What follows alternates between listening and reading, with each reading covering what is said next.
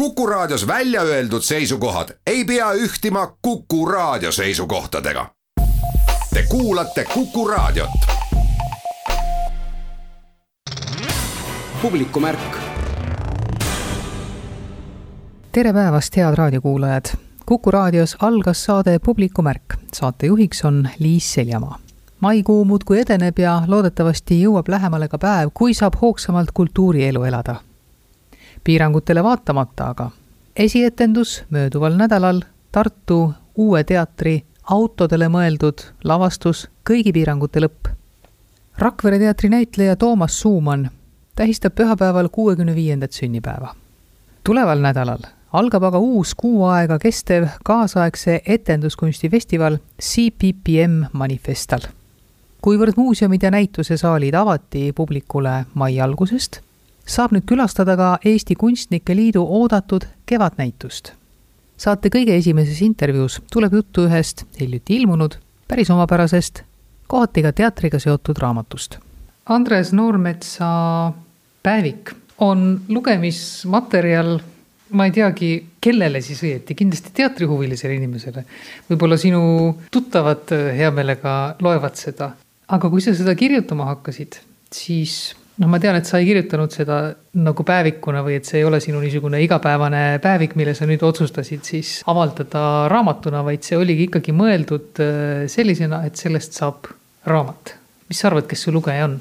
tegelikult see päevik on äh, lavastus, mis põhineb Alvis Hermanise päevikul ja teda on kirjutatud täpselt samadel päevadel, millal Hermanis kirjutas ja mind huvitaski selle valemi või selle vormeli või selle maatriksi täitmine.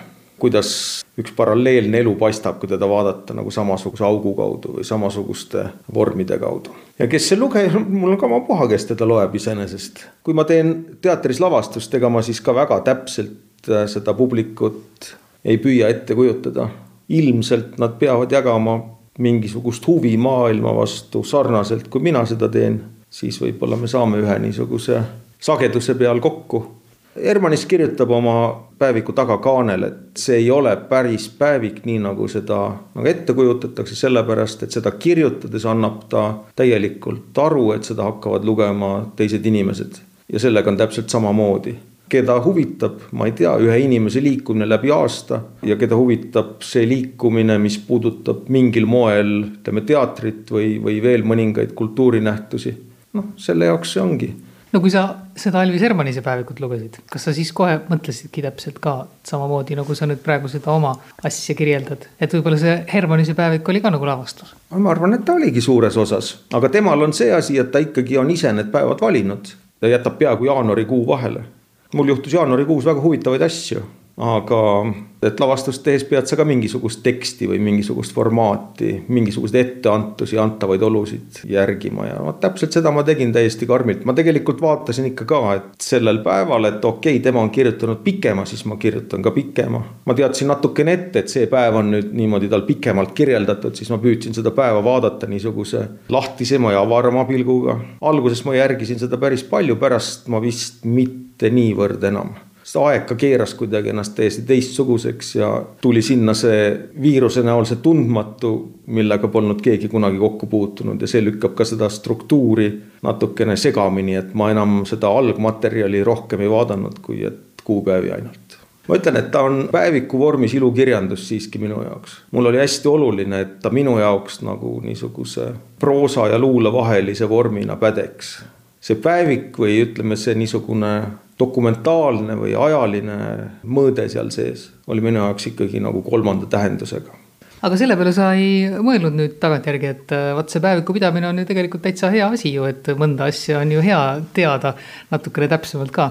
ma olen midagi sellist ikkagi ju teinud elus ja päris palju aga see ei ole selline päevikupidamine olnud, et ma kirjutan üles täna hommikul, vaata ärkasin vara või hilja, siis tegin seda, seda, seda, ma pole niimoodi neid asju kunagi teinud. ja ma ei ole ka mõttepäevikut pidanud, aga ma olen pidanud emotsionaalselt või pildilist päevikut. see tähendab, ma olen kirjutanud luuletusi, aga see luuletus on samamoodi nagu päevik, et ma kirjutan luuletuse sellest, mis on mul siinsamas praegu olemas.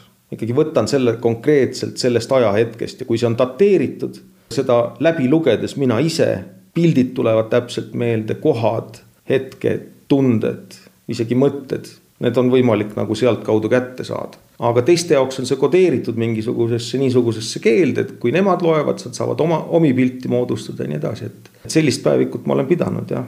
kas sa selle, ma ei teagi, raamatu valmimise järel või ka selle kirjutamise ajal mõtlesid, et äh, kui sa oleks hakanud seda näiteks möödunud suvel kirjutama, et siis oleks see raamat saanud tõenäoliselt hoopis äh, teistsugune või ütleme, need sissekanded oleksid äh, olnud võib-olla kohati ka ärevamad või, sest ehkki see koroona sind nüüd väga ei morjendanud, siis ikkagi kuskil kas vist kolm kuud peale eriolukorra algust või et siis oli küll üks selline päev, kus noh, oli aru saada, et see on nagu täiesti masendav, et no nüüd on kõik lihtsalt läbi ei, seal on üks niisugune päev on küll, aga see ma ei teagi, millest see täpselt tingitud oli, ma arvan, et see viirus number üheksateist seda vist ei põhjustanud, aga kuigi võib-olla kaudselt ka.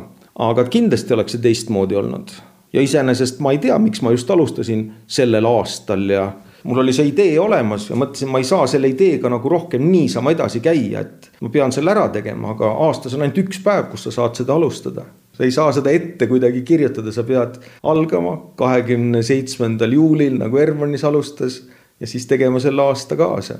aga igal juhul ükskõik missugusel teisel aastal alustades oleks ta tulnud ikkagi no oluliselt erinev. aga ma arvan, et ta, tavaliselt inimene ikkagi tunneb kuskilt õhust ära, et see on õige koht. ma arvan, et see oli kõige õigem koht seda ikkagi alustada. ja ma arvan, ta tuli tänu sellele ka huvitav, et ta jääb niisugusele nii-öelda see dokumenteerib seda aega, kus, kus tõesti see nagu mingisugune muutus toimub. ja tegelikult ikkagi alustades ei ole ma selleks valmis mitte mingil kombel. kui ma oleks eelmisel aastal alustanud, siis oleks see kõik olnud ikkagi juba juhtunud asja kirjeldus või see oleks no kuidagi tuttav olnud. aga siin jah, toimub midagi niisugust, mida, mida tõesti ei oska ette oodata. See teeb ka väga kontrastseks, tähendab selle, selle minu aasta, Hermannis aastaga Hermannis käib suurtel lavadel, suurtes teatrites, tal on ooperid, tal on taaslavastused, tal kogu, tal on kogu aeg esietendus esietenduse järel. ja noh, minul on siis ka üks esietendus ja siis läbi Emmi on veel üks, mida ma olen kaks ja pool aastat teinud ja siis on kolmas, mis kuidagi ei taha tulla ega ei taha tulla ega taha tulla. no vot, see on no selles suhtes on ta huvitav, et ma arvan, et kes on nagu eriline niisugune teatrihuviline, sellel oleks väga magus lugeda neid paralleelselt, et kui erinevad võivad need Äh, ajad, olukorrad ja inimeste olemised olla. lõpetuseks ma loeksin ühe lõigu selle raamatu päris lõpust, mis toob meid natukene selle raamatu alguse juurde tagasi. Mulle tuleb meelde, kui teatrikooli ajal oli meil külas Läti teatritudengid. Nad vaatasid tunde ja etendusi, pärast pidasime pidu. sattusin ühe Läti kutiga pikemalt rääkima, ta oli väga huvitatud artroost. kui ütlesin, et esseid ja kirju on eesti keeles olemas, läksid ta silmad särama. ta tahtis seda raamatut väga see, et raamat oli eestikeelne, polnud talle mingi mure. küllap juba tõlkija leiab, kui raamat ise olemas on. tõin talle siis järgmiseks hommikuks oma Artaud. see Läti kutt oli Alvis Hermanis. Kas sa ütlesid Alvis Hermanisele ka, et sa seda raamatut kirjutad? ei, ei, ma ei ole, ei, ma ei ole talle öelnud. kui see teadmine peab temani jõudma, eks ta siis jõuab aga, aga see, ma arvan, et ei ole nii oluline. ilmtingimata ta ei pea seda teadma no tema sidemed Eestiga on muidugi päris tihedad, ma arvan, et see jõuab temani küll ja noh kui peaks olema ka vajadus see raamat läti keelde tõlkida, kuigi ta eesti keelt mõnevõrra mõistab ka, siis küllap see tõlkija leitakse noh, tõlkija on Valmiera teatris olemas, on Jaanus Johanson, kes on teinud nii ühte kui teistpidi, kellel on teatritaust, kes oskaks seda, ma arvan, suurepäraselt ka läti keelde tõlkida. publikumärk Eesti Kunstnike Liidu oodatud kevadnäitus kaks tuhat kakskümmend üks on võib-olla isegi see aasta oodatum, kui ta eelmisel aastal oli. eelneb üsna pikk koroona-aasta, mis jällegi kunstnikele on andnud võimaluse tegeleda loominguga ja Siim Preimann on selle näituse kuraator, üks kuraatoritest siiski ja kui lähtuda sellest, et see näitus justkui naaseb juurte juurde, siis missugused need kõige värskemad juured siis on?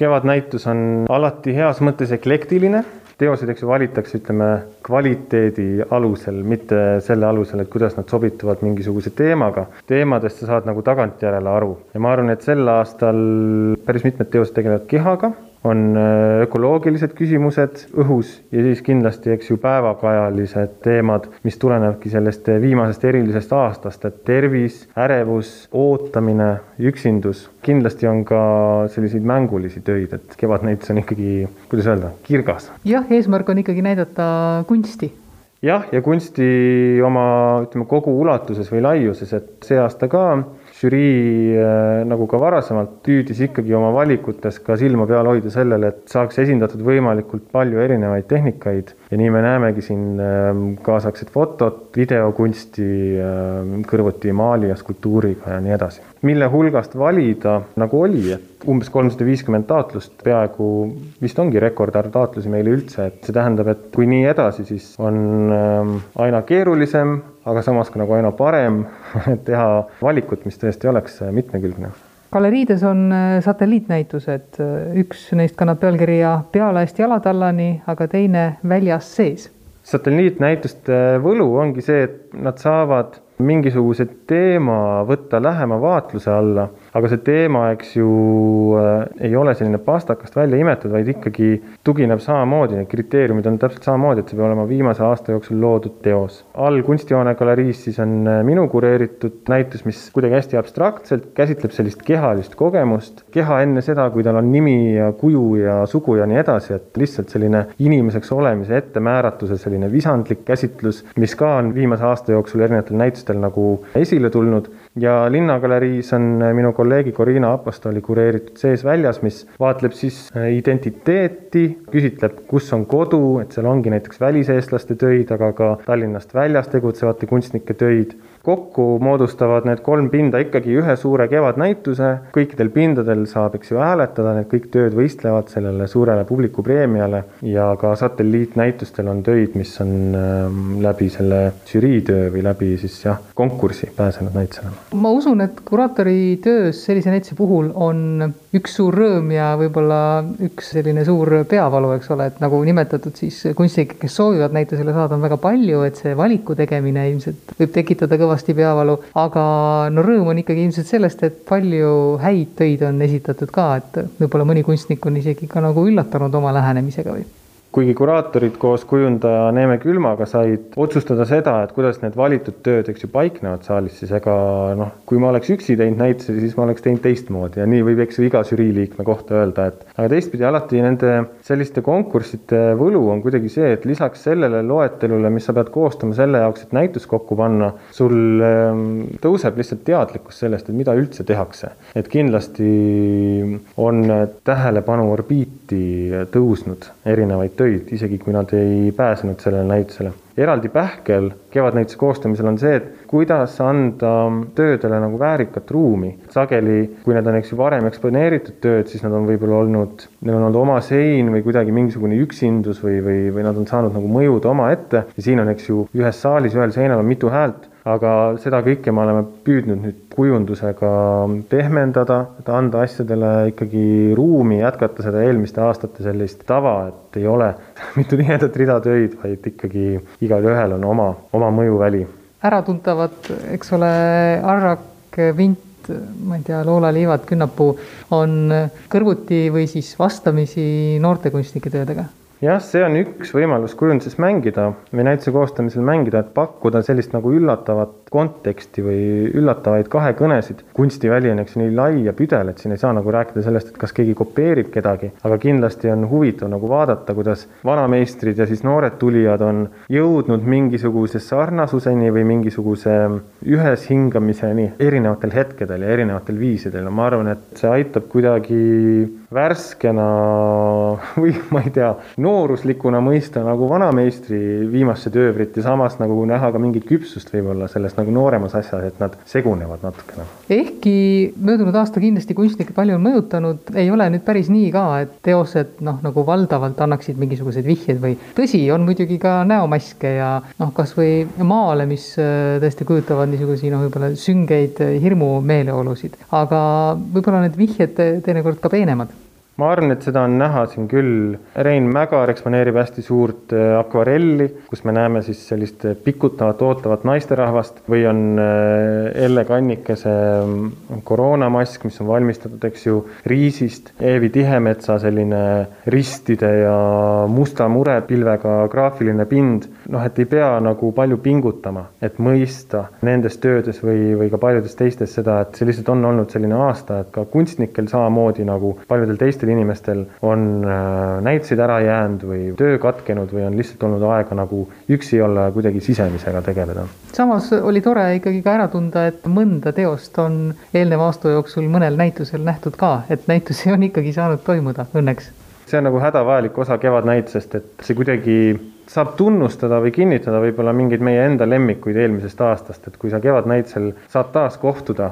mingisuguse eredama mälestusega eelneva aasta näituste programmist siis üle Eesti, on ju. et ta oleks selline heas mõttes best of või nagu parimate soorituste valik kas näituse nii kureerimisele, kujundamisele, ülespanemisele ja kõigele sellele andis ka koroona selles mõttes nagu noh, meeleolu, et näitust pandi üles tegelikult ju tingimustes, kus ei tea, millal seda näitust saaks ka nagu näidata inimestele? Nende erinevate sulgemiste jooksul, millest ise võib-olla kõige rohkem nagu puudust tunned on see mm, adrenaliin või elevus, mis kaasneb sellega, et sa tead täpselt, et homme kell kuus tulevad uksed lahti ja muud võimalust ei ole.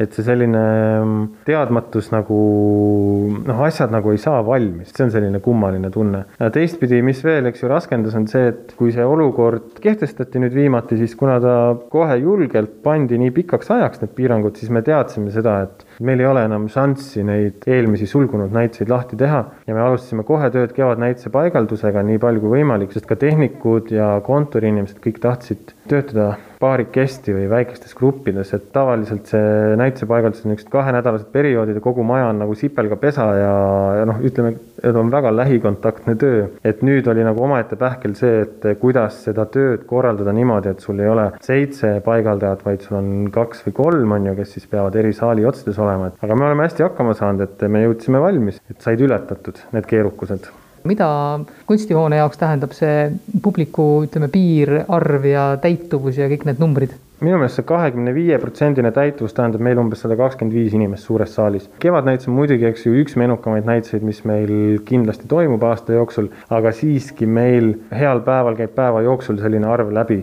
et seda, et saaks tekkida selline moment, et on äh, rüselemine ja et nendest piiridest kinnipidamine on nagu raske, ma, ma lihtsalt ei suuda seda ennustada, et kindlasti on, eks ju, mingisugune kõrgem huvi nende piirangute tõttu, aga ma arvan, et kogu Eesti üks koma kolm miljonit inimest ei ole järsku kahe kuuga kunstiusku pööranud aga kui peaks tekkima mingisugune järjekord, siis muidugi me oleme kaalunud erinevaid variante, et kuidagi ajatada siis seda külastust, et kas siis eelmüügiga või, ja õnneks meil on ka igasse galeriisse on ainult üks uks, et piletimüüja saab öelda, et noh, võite teha ühe ringi ümber kvartali ja viieteist minuti pärast tagasi tulla, et meil mõned tulevad alles välja. publikumärk rahvusvahelise haardega uus etenduskunstifestival kõlab muidugi väga uhkelt, aga just täpselt selline festival stardibki kolmeteistkümnendal mail. kaasaegse etenduskunstifestival CPPM Manifestal. sellega on seotud hulk Muusika- ja Teatriakadeemia tudengeid, kes siis kaasaegse etenduskunsti magistriprogrammis on juba mitu aastat oma oskusi lihvinud ja selle õppekava juht ja ka festivali peakorraldaja on Jüri Nael. no me oleme nendest magistritudengitest sinuga rääkinud päris mitmel korral ja nende tegemisi nii-öelda nagu jälginud. kas ka see, et nende tegemised on võib-olla suurema tähelepanu all, on ka üks osa sellest programmist? Nojah, ütleme nii, et kui me räägime etenduskunstidest, teatrist, siis seda ei saagi ju kuidagi õpetada, kui sa ei puutu kogu aeg kokku publikuga. ja eks me oleme jah, algusest peale ikkagi kõikide oma projektidega niimoodi avalikkuse ette tulnud, see rahvusvaheline magistrantuur, mis Eesti Muusika- ja Teatriakadeemias toimub, mis siis ongi see CPPM ehk et kaasaegsed etenduskunstid, et see ei jääks tõesti nelja seina vahele, vaid sellel oleks ka mingisugune mõju siinsele kultuuriruumile, on see siis avatud tunnid, mida me oleme teinud, või siis drag show või Kreeka tragöödiate maraton või üheksakümne üheksa tunnine lavastus, see on alati olnud selline eksperimentaalne põli meie jaoks ja, ja eks me oleme üritanud tõepoolest olla nii palju nähtavad ja kättesaadavad kui vähegi võimalik ajale kohaselt on tegemist voogedastusprogrammiga festivaliga, ehk siis vaadata saab peamiselt veebis, aga neid etendusi on ikka päris suur hulk. nojah, ütleme, et meil on praegu kolmteist magistranti, kes hakkavad lõpetama ja kõik nad teevad loomeuurimusliku lõputöö. me ise küll ei taha rääkida sellest, kui et see on nüüd kooli lõputöö, et siis äh, teevad selle töö ära ja siis on kool läbi ja kõik on hästi, vaid me oleme formuleerinud seda nii, et see lõputöö tegelikult on nagu selline töö, millega nad tahavad siit koolist ära minna ja mille nad võtavad endaga kaasa. hetkel on ta voogedastus selles mõttes, et me ei tea, milline see situatsioon saab olema ja kas lubatakse ka publikut saali. kõik need lavastused ikkagi on tehtud publikuga kohtumise jaoks, aga jah, et see ei jääks nagu päris nelja seina vahele ja kus publikut juurde ei lasta ja me ei saa üldse seda publikuga mängida, siis me elektron.artiga lõime käed ja otsustasime, et me teeme siis kõikidest nendest etendustest ka nii-öelda voogedastuse. ajad ju ka muutuvad, ka etenduskunst peab muutuma, et kui me elame ühiskonnas, kus me ei tea, kas publikut saab saali lasta või ei saa saali lasta, ühesõnaga, et nendest lavastustest tuleb siis päris mitu versiooni, et üks on siis see, mis toimub siis, kui on publik saalis ja võib-olla teine versioon on see, kui seda tuleb voogedastada. me oleme võtnud seda ikkagi, neid lõputöid kui selliseid eksperimentaalseid ettevõtmisi ja, ja eks me eksperimenteerime nii sisuliselt, vormiliselt kui ka siis sellega, et mida siis praeguses ühiskonnas etenduskunst saab teha selleks, et ta oleks kättesaadav ka pandeemia ajal kuu aega on see festival mõeldud kestma, siis aega on tõesti ka ilmselt selle jaoks, et mingisugune hulk publikut saab ka saali lubada jällegi üks asi, mis me mõtlesime, et kui need lavastused juba valmis tehakse, et neid ei ole mõtet mängida ainult üks kord, et praegu me oleme planeerinud, et on äh, kolmteist esietendust sellel festivalil ja iga etendust mängitakse vähemalt viis korda, mõnda ka rohkem. ja see viimane nädal, kümme kuni seitseteist juuni toimub ka selline audiorännakute seeria, kus siis vaataja, kuulaja saab kogeda selliseid etenduskunste nii-öelda, kuidas ma ütlen, linnaruumis. kõik, mida sul on selleks vaja, on vaja nutitelefoni mikrofoni ja kõrvaklappe ja sellest piisab, et kogeda nii-öelda seda linna peale jäetud lugusid või nagu me kutsume neid audiorännak etendusi. ja noh, kui me nüüd paneme kõik need kogemused kokku, siis tegelikult on meil neliteist projekti ja üle kahesaja mängukorra, nii et see on tõepoolest päris hullumeelne. Eesti Muusika- ja Teatriakadeemiale on see päris paras pähkel praegu meil pureda, kuidas tuua välja neliteist uuslavastust, mida me, meil on küll ka olemas koostööpartnerid siin Uue Loomingu Maja ja sõltumatu tantsulava ja Eesti Tantsuagentuur ja et meil on nagu väga head partnerid Kanute gildisaal, aga et kuidas ikkagi produtseerida neliteist uuslavastust, mis kõik on ikkagi väga ambitsioonikad ja nõuavad nii-öelda selle noore kunstniku maailmavaate väljendamiseks ka teatud ressursse ja vahendeid Eesti Kunstiakadeemia on veel partnerite seas, mida sa ei jõudnud nimetada, aga kas nende partnerite mm, nii-öelda nimetusi vaadates võiks ka aimata, et missugused need tööd võiksid siis olla või et mis laadi etendusi me näeme? Tudengid ju tulevad väga erinevatest kultuuriruumidest, väga erineva taustaga, nad on kaks aastat Eestis õppinud väga erineva käekirjaga õppejõudude ja kunstnike käe all. kõik need kolmteist lõpetajat, võib öelda, et nad ei ole ühe ja sama vanema, vanemate lapsed, et nad on ikkagi kõik väga erineva käekirjaga, väga erineva maailmavaatega ja ka teemad, mis neid liigutavad, puudutavad ja neile korda lähevad, on, on väga-väga erinevad. see festival saab olema väga-väga kirju, noh ütleme rahvusvahelisi festivale festivale on ju palju. kui on rahvusvaheline festival, siis üldjuhul see tähendab seda, et mingiks ajaks sõidavad üle maailma mingid lavastused, mingid tööd kontsentreeritud kujul kokku ja siis saab neid vaadata CPPM manifestal on selles mõttes väga eriline, et see on küll väga rahvusvaheline festival, aga kõik need tööd on tegelikult valminud siin Eestis. ütleme, formaadilt võib leida soolosid, võib leida duette, projekte, võib leida väga suurejoonelisi ja mastaapseid projekte. teemade osas täpselt samamoodi on nii kohaspetsiifilisi lavastusi kuskil Paljassaare garaažides, on Arsi stuudios, kuskil Maja Viimsis, no tõesti, see on nii seinast seina, alates feminismist ja naise kehast kuni Shakespeare'i Hamleti äh, olla või mitte olla äh, lähtepunktini, et see pilt on tõesti, tõesti kirju ja ma ütlen, et ma väga soovitan vaadata seda meie festivali kodulehekülge, lehekülge manifestal.ee, kus tõepoolest saab nende projektide kohta lugeda ja vaadata, et mis töödega on tegu, et see pilt on tõesti väga-väga kirju ja mul on selle üle nagu väga hea meel, et need tudengid pärast seda kahte aastat, mis nad on siin Eestis õppinud, ei ole kuidagi muutunud väga ühenäoliseks. kui keegi selle festivali tõesti algusest lõpuni läbi käib, no siis ta saab ikka päris ägeda kogemuse. peale iga voogedastuse etendust toimub ka vestlus nende noorte kunstnikega. ma olen kutsunud äh, neid vestlusi modereerima väga ägedad inimesed ja sellest saab siis ka voogedastusprogrammist osa, et ka need vestlused tõenäoliselt saavad olema väga põnevad, et lihtsalt mitte ainult näha tööd, vaid tõepoolest heita ka pilk siis nii-öelda selle, selle töö taha, nende motiivide, algideede taha, et oleks ka selline natukene laiem ja harivam tudengitele kui ka vaatajale. Aga ka festival ise vähemalt kavade järgi nüüd küll viimaseks ei jää, et see on esimene paljudest. jah, kui see CPPM-i õppekava Eesti Muusikateatri Akadeemias sai avatud, siis selline väga praktiline õpe ja juba siis oli eos selline mõte, et see peaks ikkagi lõppema mingisuguse suurema festivaliga ja, ja mitte ainult ei kulmineeru nende tudengite jaoks, vaid tõepoolest, need noored on õppinud siin Eestis kaks aastat ja oleks ju väga kurb lasta neil lihtsalt siit nüüd ära minna, tagasi koju minna, ilma et nad enne siia mingisuguse märgi maha jätaks või teeks sellise väikese tänuetenduse või sellise ja noh, eks see festival peaks toimuma äh, ikkagi iga kord, kui CPPM-i tudengid lõpetavad, siis see festival tuleb kui me nüüd tulevikku veel natukene vaatame, siis ehkki sellise rahvusvahelise õppe korraldamine on hetkel natukene komplitseeritud, kas uued magistriõppeprogrammid on valmimas, võetakse uusi tudengeid vastu või on juba võetud vastu ja töö nii-öelda nagu käib jooksvalt?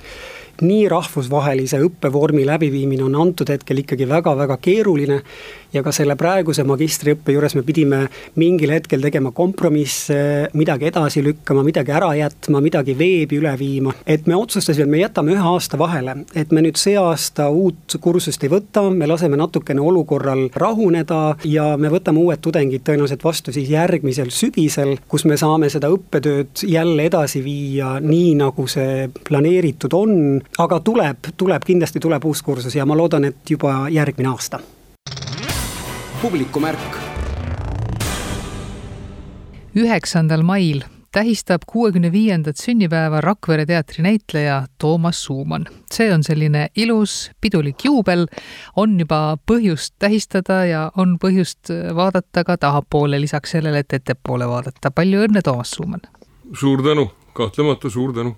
kas ja mida see number kuuskümmend viis üldse näitab? Näitab ta seda, et noh, nüüd on juba tehtud ka asju, et võib-olla võiks natukene kergemalt võtta või pensionile jääda või, aga enesetunne samal ajal ütleb, et tegelikult nüüd võiks just alles hakata mingisuguseid asju tegema. ma olen kuidagi mööda läinud oma sünnipäevadest. ses mõttes on mul mingit pidi lihtsam vastata ja no miskpidi võib-olla keerulisem, ei taha väga nagu originaalne olla, aga aga ma viimati oma sünnipäeva pidasin, kui ma sain kolmkümmend. Seda ma mäletan päris hästi, isegi et siis sai seda ikka kohe peetud. ära ütle, et kohe mitu päeva. aga pärast seda ma olen neist kuidagi loobunud ja viimased paarkümmend aastat nende peale isegi mitte üldse mõtelnud. no üheksandal mail on mu sünnipäev, nii et paratamatult on ta mul meeles, vastasel juhul ma võib-olla isegi unustaksin ta ja ei ole ka arendanud endas sellist Eh, mingit kokkuvõtete tegemist, kuna ma ei tähista, siis noh, mis kokkuvõtted ma sel päeval ikka siis nagu teen või kuhugi tulevikku vaatan, no rakud vananevad, noh, see on ilmselt paratamatus ja et siit-sealt valutab vahel rohkem, vahel vähem. tahaks palju rohkem ära unustada vahel, kui meeles on ja meelde tuleb, ei tahakski nii palju mäletada võib-olla kui ma pisike olin Otepää linnas, kus ma olude sunnil üles kasvasin, muidu ma olen ikka endiselt virulane. ja ema ütles, et need lipud majadel, et need on minu sünnipäeva auks sinna välja pandud ja ma olin väga uhke ja lasteaias püüdsin sellega ka laiata mingit pidi, aga siis teised ütlesid, et ei ole, et hoopiski mingi pidupäev on ja, ja, ja kui ma sellest nagu teada sain, ma vist isegi olin natuke pettunud, et kuidas mulle sedasi on nagu nagu valetatud või? kas see enesetunne on selline, et äh, võiks jääda nagu rahulikuma elu peale või, või pigem vastupidi? Äh, see sõltub, äh, ilmselt on ka väga lihtne tööst, mis parasjagu käsil ja väga palju ka mõtetest, mis, mis on või mida ei ole ja mida vahel hirmsasti otsid, et tuleks ometi mõni mõte, mõni huvitav mõte pähe, millega oleks võimalik tegeleda. Ja kui nüüd vahel üsnagi harva tuleb seda ette, aga et kui nüüd huvitav idee ja mõte ja lavastustekst satuvad kokku, need on õnnelikud hetked, vahel on etenduse sees üks kolleegi pilk või üks kohandumine või see, kuidas ta parasjagu seda või teist repliiki ütles ja järsku on see nõnda ootamatu ja ta viib su kaasa ja ühel hetkel leiad end mängimas nii, et sa ei mõtle selle peale, et sa mängid. Need hetked teevad küll rõõmu ja ja kui nõndamoodi vaadata, no siis võiks ju nõnda jätkata nii kaua, kui püsti püsid. see on selle töö, sellise eluviisi noh, olemus no Rakveres saab ka täis nüüd nelikümmend üks aastat näitleja tööd, see on võib-olla olulisem verstapost kui see kuuskümmend viis eluaastat. ma peaksin rõõmustama selle üle, et see kõlab nüüd pateetiliselt, mis ma ütlen. et mul on olnud au seda teatrit teenida nelikümmend aastat. kas ma olen siia midagi nüüd omalt poolt andnud juurde? no ilmselt ikka jah, sest ma olen sellel laval, selle teatri all erinevates paikades, nii kodulaval kui üle terve Eesti ja mõned etendused isegi teispool ookeani mänginud Rakvere teatri etendustes. nõnda hästi halvasti, kui ma parasjagu olen suutnud ja jaksanud. kui ma olen suutnud omalt poolt olla üks osa sellest majast ja trupist, siis ma peaksin ju olema õnnelik ja rahul praegu on äh, tulemas uusi tükke, mida ette valmistatakse, aga need hiljutised, värsked, mida ka eriti palju pole mängida saanud, neid tuleb ka ikkagi kuidagi nagu soojas hoida, et kas viimati esietendunud tants, mida mängida sai ju vähe, et on niimoodi lavale tulekuks soojas hoitud? me ei saanud tantsu sisse mängitud, sest et see aeg tuli peale, oli juba selline ja läks veelgi hullemaks, nii et me saime teha nii proovide jooksul mõned läbimängud, millest mõnega sai isegi ütleme päris rahul oldud ja paar etendust, kas me mängisime neli etendust ja nendest neljast ütleme kaks vist olid ka sellised, millega võis juba enam-vähem mõne koha pealt täiesti nõus olla. see on huvitav töö ja kui me teda nüüd uuesti mängime, siis vaieldamatult tuleb ju kindlasti proovi teha ja seal tuleb vaeva näha veel. loodetavasti, ma olen ta peale mõelnud autos sõites vahel teksti võtnud ja kogemus ütleb, et kui materjal on mõneks ajaks seisma jäänud ja nüüd uuesti värske pilguga või värske olemisega, on õigem on vist öelda, värske olemisega sellele enam mitte niisuguse närvi ja hirmsasti esineda püüdva tahtmisega, vaid olemisega sellele uuesti otsa vaadata. ma loodan, on võimalik näha hetki, momente, nurki, seoseid mida päris alguses, kui tükki veel sisse mängitakse, paratamatult ei märka, see oli väga huvitav töö. kurnav ja huvitav. see idee, mille, mille Umpuu päris alguses välja käis ja mismoodi seda tema tahaks, et me teeksime, et sellisel juhul justkui oleks ainuke mõte sellisel Strindbergi noh, palju mängitud klassikalisel lool.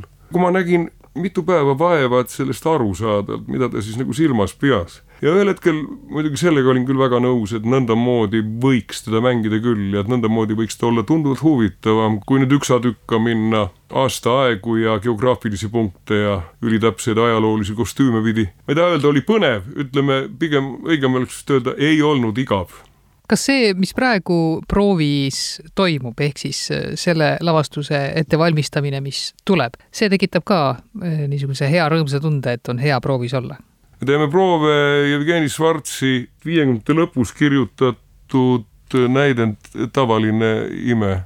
Švartsi on Eestis ikka mängitud, Draakonit on lavastatud nii mõnedki korrad ja mul oli võimalus näha, kui ma läksin seitsmekümne kaheksandal aastal Vanemuisesse peale kooli lõppu siis mängiti seal Epp Kaidu ühte viimast lavastust, mis oli samuti tavaline ime, oli veel mängukavas, see oli vaimustav vaatamine.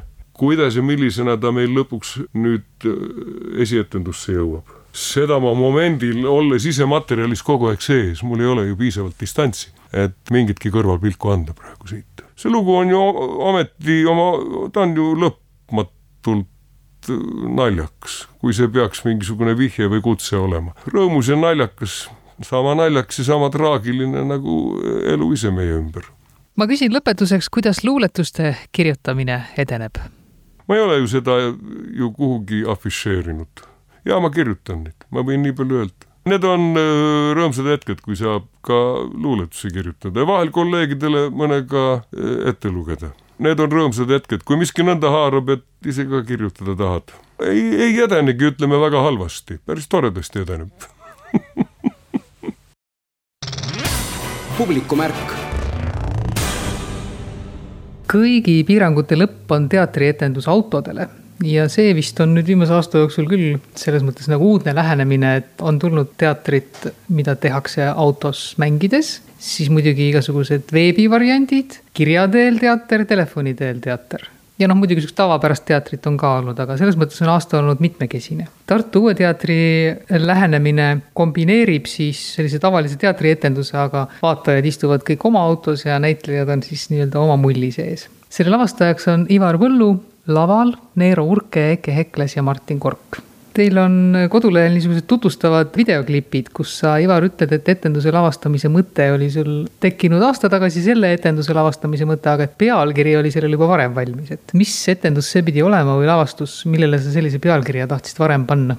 No see pidi olema hoopis teistsugune lavastus, aga pealkiri oli nii hea, siis ma ei raatsinud seda nagu ära lörtsida, kui päris selge ei olnud. ja siis jäigi üldse see tegemata tol hetkel. aga selle lavastuse tegemiseks tuli konkreetne impulss, mul tuli meelde, kui eelmine aasta hakati piiranguid leevendama, ansambel Smilers andis lauluväljakul kontserdi autodele ja siis ma nägin seda videoklippi ja see oli täiesti debiilne olukord sest see oli nii kohutavalt naljakas ja minu meelest see situatsioon ise rääkis midagi meie elu kohta niivõrd palju, mõtlesin, kui seda teatris teha, siis see muutub nagu veel rohkem kujundlikuks, sest kui Maris lõpetas loo ja autod andsid signaali, siis see oli minu arust nii kohutavalt pööraselt naljakas. et kui me saaks teatrisse sama situatsiooni tuua, juba siis see ise oleks selline happening, et tasub ette võtta küll.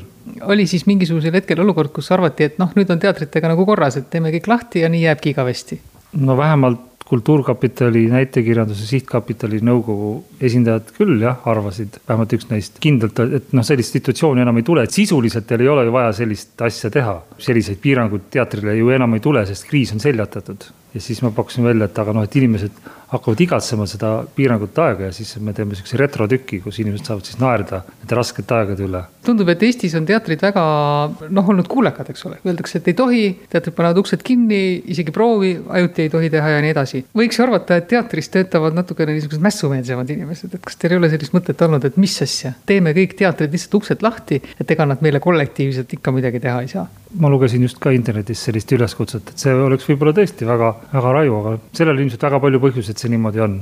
aga üldiselt teater on ikkagi väga selline koostööd tegev ja kokkuhoidev selline organism, erinevad teatrid ka, teatrijuhid ju suhtlevad omavahel ja kui eelmine kriis oli, siis ka teatrijuhid ja ministeerium suhtlesid hästi aktiivselt. seetõttu ka on see teatrite aktiivsus olnud väiksem, et nagu on nagu usaldus, et noh, et praegu on vaja niimoodi teha, tõesti paneme kinni, ootame, siis teeme uksed lahti, kui lubatakse, siis paneme edasi ja siis kõik on hästi. aga noh, kui see kaua aega käib selline olukord, siis ilmselt tekib see tunne, et võib-olla ei saagi lihtsalt niimoodi edasi minna, võib-olla peaks otsima midagi, mingeid muid tegevusi teate, ei ole ühiskonnas mingi kodaniku allumatuse lipulaev, et selles mõttes ei maksa teatrilt seda oodata, et vaatamata kõigile piirangutele me siiski teeme uksed lahti. mitmed lavastajad, näitlejad on seda ütelnud ka edasi lükkunud lavastuste kohta, et see on nagu kasuks tulnud lavastusele, et äh, mis te oma kõigi piirangute lõpu kohta arvate?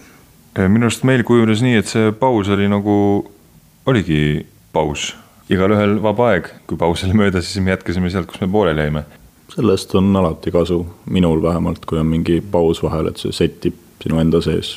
See paus tuleb kasuks just sellepärast ja seda tavalises protsessis ei ole võimalik võtta alati, kui sul on proovid ja esietenduse poole kõik läheb järjest kiirenevas tempos ja, ja kujuneb järjest intensiivsemaks, aga see, et meil oli siin võimalik vähemalt kaks nädalat pausi, see oli tõesti väga hea selleks, et lülitada ennast korraks välja ja siis pärast jällegi sisse-tagasi sellesse teemasse me oleme selle ümber lappamise ja ümbertegemisega juba niivõrd palju harjutanud viimase aasta jooksul, et see kolm nädalat edasi lükata esietendust, see oli täitsa köömes. saime tegeleda hoopis teiste asjadega ja neid asju, mis meil veel pooleli oli, teostamisel sai natuke rahulikuma, inimlikuma tempoga teostada, selles mõttes oli kõik väga hästi. kas Terviseametiga on nagu selge kõik või Terviseametil on ikka veel mingisugune võimalus teatrit kuidagi vastutusele võtta? Terviseametiga on meil kõik korras, terviseameti käest me saime info juba aprillis, et see on täiesti ohutu etendus. aga me ei saanud lihtsalt luba seda etendust teha. Ütleme, et meil on seaduse silma suhtes võib tulla veel pahandusi. ütleme, et kui seda võtta show osana, siis see ei ole nii traagiline, aga seal võib tulla veel igasuguseid asju, aga kõik etendused, mis on praegu välja kuulutatud, kõik toimuvad Te räägite seal kodulehel ka vabadusest hästi palju, et kas see vabaduse mõiste või vabaks olemise mõiste on teie jaoks muutunud ka nüüd selle aasta jooksul, kui seda vabadust on siis teatud põhjustel piiratud?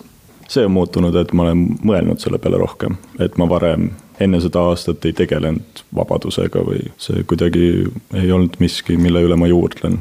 ja siis see, ma arvan, laiendas seda vabaduse mõistet minu jaoks mina vist hakkasin vabaduse asemel mõtlema hoopis sellele, et mis minu panus on või peaks olema. kui kõik läks kinni, siis ma nägin, et ma võin täiesti vabalt kodus istuda ja kõik seisab püsti. teised teevad kogu selle ühiskonna ülalhoidmise ära ja siis ma hakkasin mõtlema selle peale, et aga äkki ma peaks tegema ka midagi sellist, mis hoiaks asju püsti. et, et see juhtis just tähelepanu sellele, kui vähe ma teen selleks, et teised mingit kasu saaks või et minu najal midagi seisaks no sina, Neero, oma mullis seal ka räägid sellest vabadusest ja mõtled selle vabaduse üle, et sul on nagu lavastuses ka niisugune aktiivne sõnavõtt selle vabaduse osas ja muidugi see teema on üks keskseid teemasid selles lavastuses, aga see on selline düstoopiline nägemus, mis võib juhtuda, kui me anname ära oma vabadusi, kuid selle koha peal tuleb toonitada, et vabadused on otseselt seotud vastutusega. kui me leiame ennast olukorrast, kus meil on vähem vabadusi, siis võib-olla tähendab hoopiski seda, et me oleme ära andnud oma isiklikku vastutust. igaüks peaks isikliku vastutuse teemaga rohkem tegelema, siis sellel tekib ka sellele sõnale vabadus mingisugune tähendus no kui me seda võtame, siis võib-olla ei teki sihukest olukorda, kus suhtleme ainult toidukulleritega ja tõrjume teisi inimesi eemale oma mullist ja ei taha sealt ise ka välja minna. no ja ma arvan, et just nimelt täpselt see, mida sa praegu kirjeldasid, tegelikult tähendabki seda, et teater muutub järjest rohkem aktuaalsemaks. see vahetu kontakt, olgugi et sul võib tunduda, et meil on siin praegu lava ja publiku vahel kümme meetrit ja, ja kokkupuudet ei ole, see kontakt publikuga siiski on olemas sellest toidukullerite ja pilvede ja online töökoosolekute ajastul, et seda aktuaalsemaks inimlik kontakt, vahetu kontakt ja, ja teater muutub me ju ei ole midagi välja mõelnud, see kõik on ju päris, kui võtta praegune situatsioon ja seda lihtsalt pikendada ja kui mitte midagi ei muutu, siis see täpselt niimoodi läheb. mida rohkem inimesed mõtlevad selle teema peale, seda vähem tõenäoline on, et see juhtub. et mingil määral on isegi võib-olla võimalus teatril inimesi mõjutada seda näevad kole vähe inimesi küll, et Eestis elab palju rohkem inimesi, kes tõenäoliselt ei näe seda tükki. see on küll tõsi, jah. ma enne intervjuud vaatasin, et müügil on ka viis viimast piletit. me oleme mõelnud jah, et mängida teda septembris edasi, kui võimalik, kui lastakse. me taotleme luba mängida septembris järgmised etendused aga kas vastus sellele küsimusele, kas inimesed oskavad elada, kui kirjangud lõpevad, et kas sellele küsimusele te ise olete saanud vastuse? No selle esimese lockdown'i järgi ma võiks küll öelda, et inimesed armastasid seda. ja mina olin ka pettunud, et see lõppes, nii paradoksaalne kui see oli. sest mina sain aru, et see sulgemine ei võtnud mult ära mitte ühtegi vabadust, aga see võttis mult ära väga palju kohustusi Te, see teise lockdown'i ajal pole ammu nii palju tööd olnud, kui selle teise sulgemise ajal. nüüd ma ootan, et see võib lõppeda küll ma publikule soovitaks võib-olla seda, et minna tuleks kindlasti kohale sellel ajal, kui öeldakse, sellepärast et see autode kogunemine ootamatult võtab palju rohkem aega veel kui inimeste oma kohale juhtimine. ja kui kohvik ka töötab, aga noh, võib ise ka mingit snäkki nagu autosse võtta, et kas te siis ei karda, et inimeste tähelepanu seal autos läheb nagu muude asjade peale, et ma vaatasingi, üks naaber sõi krõpsu, teine naaber sõi popkorni. no seda teksti peab ikkagi võrdlemisi tähelepanelikult jälgima, eks ole, et, et siis oleks parem, kui kohvik ei töötaks võib-olla. aga see on isiklik vastutus, ega kui nad, inimesed tulevad saali ja oma telefone näpivad, ega me selle vastu ka ei saa midagi teha, siis nad vähemalt ei häiri teisi inimesi, kui nad oma autos telefoni näpivad ja krõbistavad või ohivad. see, kas inimene ostab pileti ja tuleb saali ja ta valib A-kontaktse kere parkimise saali, see on inimese isiklik valik, see on tema vabadus, osa saada lavastusest, meie teeme kõik selleks, et ta seda saaks. kes ei taha osa saada, kes tahavad lihtsalt parkida, noh siis saavad seda teha